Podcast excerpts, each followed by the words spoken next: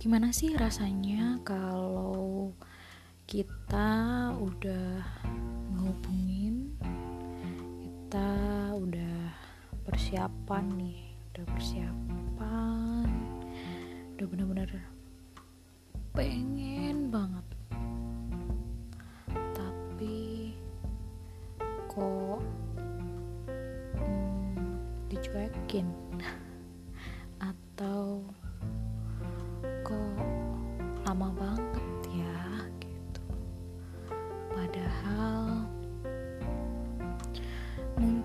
secara umum udah memenuhi syarat. Mungkin secara umum aku udah oke okay nih. Tapi kenapa ya masih nggak bisa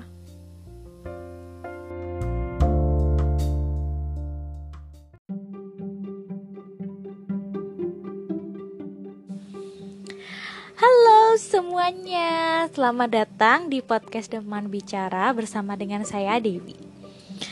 Um, jadi teman-teman ini sekarang uh, aku mau melanjutkan tentang pembahasan yang kemarin ya. Jadi kemarin kan kita uh, mau ngomongin tentang hmm, apa ya? Kira-kira uh, gimana sih cara atau tempat mana aja atau cara apa sih yang bisa kita gunakan nih kalau mau melamar kerja? Nah kalau kemarin kan udah dibahas tuh ya tentang uh, email ya. Jadi uh, bukan caranya sih ya tapi lebih ke uh, pengen tahu kira-kira uh, bagian mana aja sih yang dilihat nih gitu sama HR nantinya gitu biar kita tahu nih kira-kira apa yang perlu di highlight kalau kita mau melamar pakai uh, email gitu. Nah, selanjutnya nih, ini ada platform lagi yang uh, selain email nih, yang terbanyak kita gunakan ya, yang paling sering digunakan nih selain email, yaitu uh, Jobstreet. Nah ini sebenarnya uh, aku nggak di endorse ya, tapi mau uh, ngomongin tentang Jobstreet karena banyak yang pakai Jobstreet gitu. Nah, uh, ada yang nggak tahu job street kayak kira-kira ya. Hmm, mungkin dikit ya karena kan uh, banyak sih orang yang udah pakai job street ya gitu. Dan uh, banyak sih ya lamaran dan orang yang ngelamar lewat situ. Dan kalau uh, dari pengalamanku pas aku jadi rekrutmen juga uh, banyak sih kandidat yang aku dapat dari job street gitu. Sebenarnya uh, ada plus minusnya nih. Kenapa banyak perusahaan yang lebih pakai job street daripada uh, platform yang lain gitu misalnya. Tapi uh, selain itu juga sebenarnya lebih apa ya menurutku untuk cari lamaran atau melamar di job street itu lebih apa ya Hmm, tampilannya sih ya mungkin ya lebih mudah dipahami. Terus uh, apa ya? Hmm, ya lebih gampang aja sih untuk apply di sana gitu. Dan uh, tombol-tombolnya atau misalnya apa ya button yang ada di situ nih itu lebih gampang untuk dimengerti gitu. Nah, sekarang uh, aku akan sambil buka job streetnya gitu ya. Aku mau lihat kira-kira uh, apa aja sih yang bisa dilihat uh, sama HR gitu ya. Kalau misalnya buka job street nih lamaran kalian. Jadi um, kayaknya nih nggak nggak banyak perubahan ya sama job street walaupun uh, logonya juga udah berubah ya job street ini ya logonya atau apa ya namanya ya? Kayak uh, font namanya ini udah berubah nih dari terakhir dulu. Aku pakai ya di sekitar hmm, satu tahun lalu lah ya gitu. Nah tapi tampilannya nggak banyak berubah nih job street gitu ya. Semoga sih nggak nggak ada nggak ada banyak hal yang uh, berbeda gitu ya. Nah ini kita coba lihat nah kalau dari uh, sisi pelamar ya sebenarnya data apa aja sih yang perlu disiapin gitu ya? Yang sebenarnya dilihat sama HR aku akan buka salah satu uh, posisi ya posisi vakan yang lagi dicari.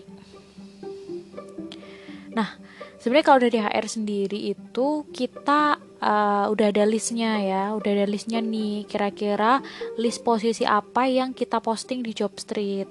Nah uh, jadi nanti dari list itu kita sebenarnya udah bisa lihat nih uh, ada berapa yang ngelamar ke kita, terus ada berapa yang udah kita pilih, ada berapa yang udah kita lanjutin ke tahap interview misalnya dan lain-lain.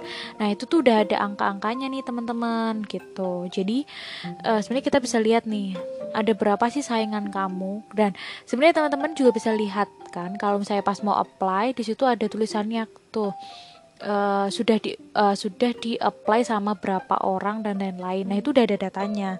Dan itu akurat sih teman-teman sesuai seperti yang disampaikan gitu.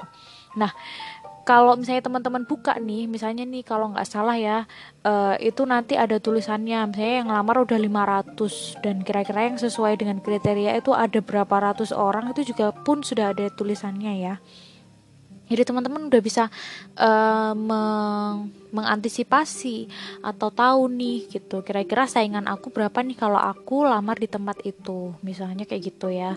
Nah uh, kayak gitu juga bisa dilihat nih teman-teman di sana ada berapa nih yang uh, pendidikannya apa atau misalnya dari ranah apa gitu juga bisa dilihat. Nah teman-teman juga bisa lihat juga gitu. Jadi biar bisa mengetahui lah nih posisi kita tuh lagi ada di mana sih gitu nantinya ketika diproses. Nah mungkin kita akan uh, bahas satu persatu ya. Karena kan kalau ada banyak nih uh, sebenarnya aku dengar ada beberapa hmm, apa ya nggak tahu mitos nggak tahu apa gitu ya. Menurutku sih mitos ya tentang melamar di job street. Tapi uh, ya nanti aku akan jelaskan. Yang pertama aku akan bahas dulu nih tentang uh, apa sih yang kita lihat gitu ya ketika ngelihat lamarannya teman-teman. Gitu. Nah yang pertama uh, aku nggak tahu ya bisa menggambarkan dengan jelas atau enggak ini dari tampilannya kalau kita sendiri dari situ kita akan langsung lihat nama-nama nih gitu. Jelas ya di sana ada nanti uh, bisa disortir berdasarkan apa. Bisa berdasarkan lokasi atau uh, spesialisasi yang kita cari nih. Ini udah bisa disortir nih teman-teman. Bisa difilter lah ya istilahnya bahkan dari gaji juga gitu ya. Jadi dari banyak hal sih yang bisa difilter nih dari si job street ini gitu. Nah tinggal uh, menurutku semakin data teman-teman itu lengkap semakin baik nih gitu. Kita akan sal kasih salah satu contoh nih di suatu posisi ini. Nah, misalnya ya di posisi ini kita itu udah ada standarnya ya. Kan ketika teman-teman buka lowongan itu udah ada nih uh, job descriptionnya seperti apa, lalu dibutuhkan untuk spesialisasi apa, lalu dari segi pendidikan ya biasa yang paling sering ya pendidikan itu uh, misalnya S1 atau S2 atau D3 atau SMA jurusan apa gitu biasanya kan udah ada tuh detail. Nah uh, menurutku sih ya better teman-teman apply sesuai dengan kualifikasi itu gitu karena uh, HR nggak bohong sih tentang kualifikasi itu ya kalau itu memang yang mereka cari ya hanya orang-orang yang punya kualifikasi seperti itulah yang akan mereka lihat gitu. Jadi kalau misalnya uh, teman-teman udah beda nih ya, misalnya nih ini, yang diperlukan uh, S1 tapi teman-teman yang lamar nih SMA ya kemungkinan besar nggak akan dilihat gitu. Jadi sesuaikan aja dulu nih sama kualifikasinya gitu. Karena sama yang aku bilang, jadi itu di situ udah bisa ngefilter banget nih uh, kualifikasinya teman-teman gitu. Jadi sangat kecil sih kemungkinan profil teman-teman bakal dilihat gitu. Dan jangan bohong juga ya gitu.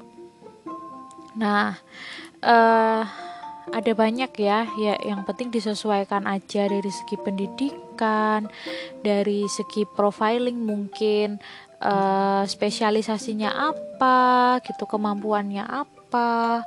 Nah kayak gitu tuh bisa difilter nih sama kita gitu. Jadi dilengkapi aja di bagian itu dan disesuaikan sama kualifikasinya. Nah uh, kalau misalnya nih teman-teman buka uh, profilnya teman-teman yang ada di job street itu kan ada ya ngisi nama data diri biasa lah ya data diri biasa. Lalu ada ngisi berapa salary yang dimau kan ya. Lalu ada juga nih disuruh upload CV nah banyak sih yang nanya ke aku kalau misalnya di job street itu kan kita udah tulis tuh profil secara lengkap ya sedetail-detailnya gitu ya. Kira-kira masih perlu nggak sih CV nah kalau menurutku itu masih perlu karena uh, ketika nih udah udah kita cari ya uh, nama kalian ini udah ketemu terus kita udah baca secara detail ya profilnya teman-teman gitu. Tapi balik lagi nih ke yang kemarin aku bilang gitu. Jadi kalau CV itu tuh uh, ada gambar yang benar-benar bisa dicek ke mana-mana dan nanti pun ketika dikasih ke user itu better CV nih gitu. Karena kalaupun dari job street sebenarnya kita juga bisa sih uh, download uh, profil teman-teman tapi jadi kayak kesannya template dan apa ya? Kalau misalnya nih untuk pekerjaan-pekerjaan yang membutuhkan kreativitas ya mungkin agak kurang sesuai gitu. Dan lebih ke kurang menarik aja gitu. Jadi upload CV itu penting atau enggak? Jawabannya penting gitu.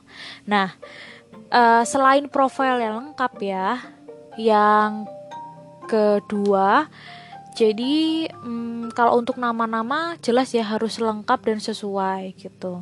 Misalnya nih uh, dari nama sama ya kayak email ya karena ini kan lebih ke ranahnya profesional ya tentang kerja. Jadi uh, be profesional juga nih dalam menuliskan profilnya teman-teman. Misalnya nih uh, kayak apa ya? Nama aslinya itu uh, Rizky misalnya ya. Lalu di nama itu ditulis apa misalnya? Uh, Kiki lucu misalnya kayak gitu ya. Jangan tulis kayak gitu sih meskipun emang nama panggilannya Kiki lucu misalnya gitu. Nah tapi ya tulis aja nama asli kamu misalnya uh, Rizky siapa gitu. Itu saja nama lengkap atau yang bisa nama sesuai KTP nih. Jadi ketika uh, eh, HR-nya itu mau compile datanya teman-teman gak usah dua kali nih ngecek di KTP gitu. Jadi namanya teman-teman ini udah bener-bener yang uh, nama yang resmi gitulah ya, gitu. Nah, kalau misalnya nih uh, yang sering aku lihat sebenarnya namanya itu sama. Kayak misalnya nama aku Dewi nih. Harusnya D E W I tapi ternyata ditulisnya D E W Y. Itu kira-kira boleh nggak sih gitu ya? Menurut aku sih hmm, nggak perlu kayak gitu ya gitu. Jadi balik lagi ke awal lebih baik namanya itu sesuai nama KTP atau nama lahir gitu. Nah kalau misalnya nih ada nih teman aku yang dia itu nama KTP sama nama uh, di kakak gitu misalnya beda atau nama di akte beda. Itu harus pilih yang mana? Yang pilih di KTP aja yang paling terupdate atau kalau enggak dokumen-dokumen kamu lebih banyak dengan nama yang seperti apa gitu ya tapi susahnya nanti harus harus di ini ya harus disesuaikan gitu. Tapi kalau untuk nama job street mah sebenarnya eh, nggak uh, terlalu baku gimana gimana sih gitu. Nah untuk profile uh, harus dilengkapi ya. Itu sih sebenarnya yang bisa aku sampaikan. Karena kalau bahas detail detail per detail ya itu harus dibahas satu persatu gitu. Padahal sebenarnya semua uh, komponen yang dituliskan gitu ya meskipun itu uh, tidak diberikan kata required itu harus di isi sih kecuali nih data-data yang sangat private. Misalnya nomor KTP menurutku nggak usah. Lalu uh, misalnya apa ya uh, yang detail lah nomor kakak nomor KTP menurutku nggak usah sih hal-hal seperti itu untuk di platform-platform seperti Jobstreet gitu. Ya memang datanya harus lengkap tapi kita perlu tahu nih gitu kira-kira data ini diperlukan nggak sama HRD nah untuk screening awal atau untuk uh, sourcing awal nih gitu hal-hal seperti itu tidak terlalu diperlukan. Nah, data-data apa yang diperlukan, teman-teman bisa cek ya apa yang perlu ada di dalam CV di beberapa podcast sebelumnya. Gitu. Nah, sesuaikan aja sama itu sih gitu. Tapi bedanya kalau di job street gitu, kita bisa ada nulis nih yang penting lagi nih ya, yang nggak kalah penting nih dari uh, apa ya tadi uh, spesialisasi ya, spesialisasi kemampuan itu apa teman-teman? adalah gaji yang kita inginkan. Nah, kalau di job street ini bedanya itu dari beberapa platform yang lain nih. Kalau aku uh, bandingkan ya yang platform yang aku tahu nih. Nah, di job street itu kita bisa cek nih uh, kira-kira perusahaan ini ngasih gajinya di atas sama atau kurang dari yang aku mau gitu. Dan perusahaan pun juga bisa menyesuaikan dengan itu gitu. Nah menurut aku kebanyakan uh, perusahaan itu akan ngasih ya standar gaji yang akan mereka kasih ya walaupun itu dalam kisaran ya bukan yang langsung nominal nih. Jadi kebanyakan lebih ke kisaran nih bukan nominal langsung gitu. Nah itu bisa buat memutuskan nih kira-kira cocok nggak sih gitu kita ada di situ atau kira-kira kita bakalan kecewa nggak sih dengan gaji yang dikasih gitu. Nah itu ya. Jadi selain profil lengkap uh, gaji itu perlu juga ditulis gitu. Nah, misalnya hal-hal lain, pengalaman kerja. Sama ya, pengalaman kerja itu sebenarnya masuk ke dalam profil yang lengkap. Jadi profil itu nggak hanya data diri, tapi juga misalnya pengalaman kerja, pengalaman magang, pengalaman apalagi misalnya dapat penghargaan lah atau training tertentu itu bisa kok dituliskan gitu bisa jadi itu nanti uh, bagian pertimbangannya HR loh gitu Lalu selain itu, kira-kira kalau tentang skills itu perlu ditulis nggak sih? Nah, menurutku itu perlu gitu. Meskipun sebenarnya uh, ini ya, kita kalau skills itu, kalau aku sendiri lebih ke akan lihat um, apa ya? Oh jadi skillsnya tuh ini gitu. Ya cuman uh, just apa ya for your information aja gitu. Karena kan kalau untuk skill kayak gitu kan kalau aku sih mungkin lebih percaya kalau langsung ya langsung dipraktekkan gitu. Jadi uh, memang ya better ditulis. Kalau nggak ditulis sebenarnya juga nggak apa-apa. Tapi balik lagi ke omongan aku di awal ya. Jadi harus ditulis lengkap aja gitu. Lalu tentang language. Itu kan seingatku di job street itu ada ya soal latihan tentang bahasa gitu ya. Nah itu uh, dilakuin aja sih gitu menurut aku. As long as it's free ya. Jadi kan karena gratis dan meskipun itu nggak bersertifikat yang resmi tapi at least itu udah jadi patokan nih di job streetnya gitu Nah, lalu tentang usia, usia juga jangan lupa ya teman-teman untuk diisi. Menurut aku juga nggak kalah pentingnya nih. Nah, ada lagi nih yang perlu diisi gitu. Misalnya alamat ya. Kalau alamat ya oke okay lah gitu ya. Nah, ada lagi nih yang perlu diisi banget adalah sama seperti di CV ya harus ada tuh apa kontak kontak number uh, ya kontak apa pun ya email itu juga perlu. Karena zaman sekarang kita udah jarang sih ngundang-ngundang kandidat itu pakai telepon. Karena telepon itu kan lebih ke personal banget ya. Kecuali kalau pas mau offering atau uh, pas mau interview user tuh kita remind pakai telepon. Tapi kebanyakan kita pasti akan menghubunginya by email sih gitu. Jadi menurutku email, telepon itu juga nggak kalah pentingnya gitu. Nah, kalau misalnya kita balikin lagi nih ke yang tadi ya di review nih dari awal. Nah, kira-kira ada beberapa hal yang perlu diperhatikan. Yang pertama dari profile ya. Profile itu harus yang lengkap. Terus yang kedua CV. CV itu uh, salah satu bentuk dari apa ya gambaran dari kemampuan kalian gitu. Atau mungkin profile yang lebih pribadi gitu daripada profile yang ada di LinkedIn gitu. Karena itu yang bikin kan kalian-kalian juga ya kecuali kalau pakai template ya gitu. Tapi pakai template pun menurutku kalau aku, dari aku sendiri masih aku hargai karena dengan kalian pakai template nih berarti kan sebenarnya kalian mau berusaha untuk uh, bisa memiliki profile yang baik gitu yang bagus yang menarik gitu jadi CV itu perlu banget buat ada ya teman-teman jangan lupa. Lalu, nah kalau untuk dari segi uh, profile ya, profiling ya. Jadi uh, teman-teman itu harus mengisi yang lengkap nih.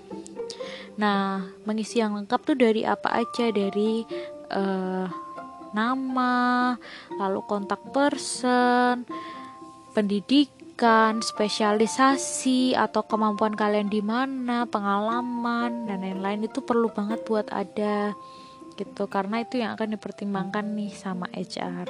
Nah yang terakhir yang gak kalah penting, yang sebenarnya penting gak penting sih teman-teman ini, yaitu adalah why why you must hire me kalau nggak salah ya. Jadi ketika kita apply itu biasanya kita ada tuh uh, kayak apa ya question box gitu. Buat di situ kita bisa tulis kenapa HR perlu uh, atau harus hire kita gitu. Nah ini sebenarnya penting nggak penting sih gitu. Banyak kok juga yang nggak melakukan ini tapi ini nilai plus nih gitu. Karena ketika kita eh, ketika aku baca gitu ya tentang hal itu hmm, biasanya aku bisa misalnya nih ada dua orang yang profilnya mirip-mirip Nah, untuk memilih dari antara kedua orang itu biasanya aku akan membandingkan dari why you hire me itu gitu. Karena di situ kita bisa lihat antusiasmenya orang untuk apply di kita itu seperti apa. Lalu uh, usaha dia untuk membuat kita tertarik atau untuk dinotis itu seperti apa. Nah, itu dia. Kalau dari aku gitu. Nah, mungkin kalau dari job street sendiri nggak beda jauh ya data-data yang perlu ada dari di uh, eh, CV. Jadi, menurutku uh, job street itu ibaratkan uh, platform pembuat CV ya. Jadi platform pembuat CV yang itu benar-benar langsung CV kalian itu bisa diakses sama HR gitu. Jadi menurut aku kalau misalnya kalian bingung di job street itu harus ada apa disesuaikan aja tuh sama podcast aku yang kemarin yang tentang uh, eh, CV gitu karena ini nggak nggak beda jauh cuman dan di sini plusnya adalah teman-teman ini bisa apa ya ngasih yang itu tadi ya yang aku bilang eh, patokan gaji yang bisa buat tolok ukur teman-teman ataupun perusahaan dan juga ada why you hire me yang di situ eh, bisa kita lihat nih um, antusiasmenya kandidat untuk apply di kita. Dah, gitu aja sih kalau dari aku. Uh, selain itu sebenarnya lebih ke um, kecocokan sih gitu yang paling utama banget adalah kecocokan gitu.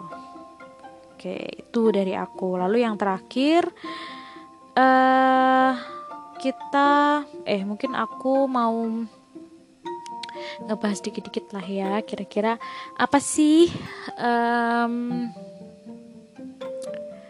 mitos-mitosnya gitu ya kalau untuk di job street itu. Nah katanya nih katanya kalau misalnya mau apply di job street itu better kita apply-nya jangan di hari Jumat malam misalnya katanya kayak gitu. Karena kalau di Jumat malam besoknya HR nggak buka job street gitu kan. Ya kecuali kalau ada yang uh, kerjanya di hari Sabtu ya pasti buka job street gitu. Tapi um, kebanyakan kan sampai hari Jumat ya kerjanya. Jadi Sabtu nggak buka job street nih gitu. Hmm, menurut aku nggak bener sih gitu. Ya nggak sepenuhnya benar. Karena apa? Kalau di job street sendiri itu kita bisa ngecek sih mana uh, urutannya gitu. Yang paling apa ya yang ngelamar paling duluan atau yang ngelamar paling uh, paling terbaru gitu ya atau yang paling relevan gitu sih. Jadi itu mitos sih teman-teman. Dan ketika dan ini menurutku ya menurutku ketika kita sortir tadi ya berdasarkan kualifikasi-kualifikasi yang kita mau urutan profil kalian tuh acak sih di job street gitu. Meskipun ada ya tanggalnya nih tanggal kalian apply itu kapan gitu. Tapi sebenarnya lebih ke uh, most relevant sih. Mana yang paling relevan sama uh, standar yang kita kasih gitu. Terus uh, ada lagi hmm, mitos-mitosnya tuh apa ya? Lebih ke ini ya jadi di job street itu sebenarnya uh, eh, HR itu bisa nyari profil kita gitu ya. Hmm, itu bisa juga gitu. Tapi nggak banyak perusahaan nih yang kalau nggak salah ya yang subscribe sampai ke sana gitu. Karena setauku kalau misalnya mau cari profil gitu ya itu ada ada kuota bayarnya sendiri sih gitu. Jadi menurut aku nggak yang sampai segitunya sih. Dan itu jarang banget dipakai sih sama HR gitu. Jadi eh, jangan harap untuk dicari gitu. Better teman-teman yang perlu usaha juga. Oke Nah, lalu selanjutnya ini nggak tahu mitos, nggak tahu fakta ya menurut teman-teman. Nah, katanya kalau mau apply job street itu teman-teman uh, kasih aja uh, uang yang kira-kira sesuai sama kriterianya perusahaan ya atau misalnya ekspektasi gaji yang sesuai dengan kriteria perusahaan. Nah, menurutku uh, lakukan hal itu ketika teman-teman tuh sangat desperate gitu. Jadi uh, menurutku nggak bijak sih dengan hal seperti itu gitu. Karena pasti kan teman-teman nggak mau ya cuman misalnya uh, diproses di perusahaan tapi nanti akhirnya ditolak-tolak juga nih karena gajinya nggak cocok. Padahal di depan bilangnya gajinya kayak gini. Nah kayak gitu hmm, kurang bijak sih gitu. Jadi ya uh, silahkan cari sesuai dengan kebutuhan gitu. Mana yang teman-teman mau pilih disesuaikan dengan kebutuhannya teman-teman gitu.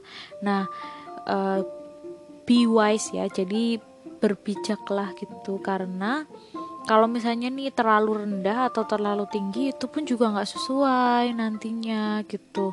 Yang akan kecewa ya kalian-kalian sendiri gitu.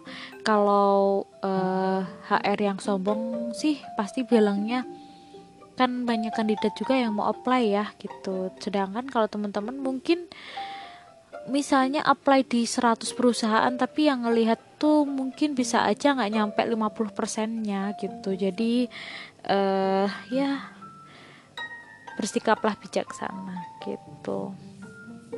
Lalu selain itu kalau misalnya nih teman-teman udah apply di 100 perusahaan, eh ternyata yang ngelihat profilnya teman-teman atau yang approach teman-teman by email atau yang dikirimin email lewat Jobstreet atau yang ngirim email, uh, email lewat Jobstreet itu sedikit ya. Nah itu jangan sedih sih gitu. Ya bukannya jangan sedih sih. Sedih itu uh, respons yang ini ya yang tidak bisa kita atur ya. Karena itu kan namanya juga perasaan gitu. Jadi um, sedih nggak apa-apa tapi jangan terus patah semangat. Harus tetap berusaha lagi untuk apply di tempat lain gitu. Kalau misalnya nih teman-teman udah males banget dah kerja di situ pengen pindah di tempat lain gitu. Nggak bisa sih menurutku dalam satu kali langsung apply ya itu memang bener-bener uh, orangnya beruntung banget gitu tapi jarang banget yang bisa kayak gitu. Jadi teman-teman perlu uh, mencoba beberapa kali it's okay gitu. Tetap berdoa tetap semangat tetap apply apply terus. Jangan patah semangat. Oke okay deh kalau dari aku seperti itu aja dulu. Kalau misalnya nih teman-teman mau ada pertanyaan silahkan bisa diajukan ke saya ya lewat eh, nggak uh, tahu sih itu linknya bisa diakses atau enggak ya. Saya kasih link juga nih gitu. Silahkan bisa diakses atau misalnya bisa hmm, reach me out by everything silahkan.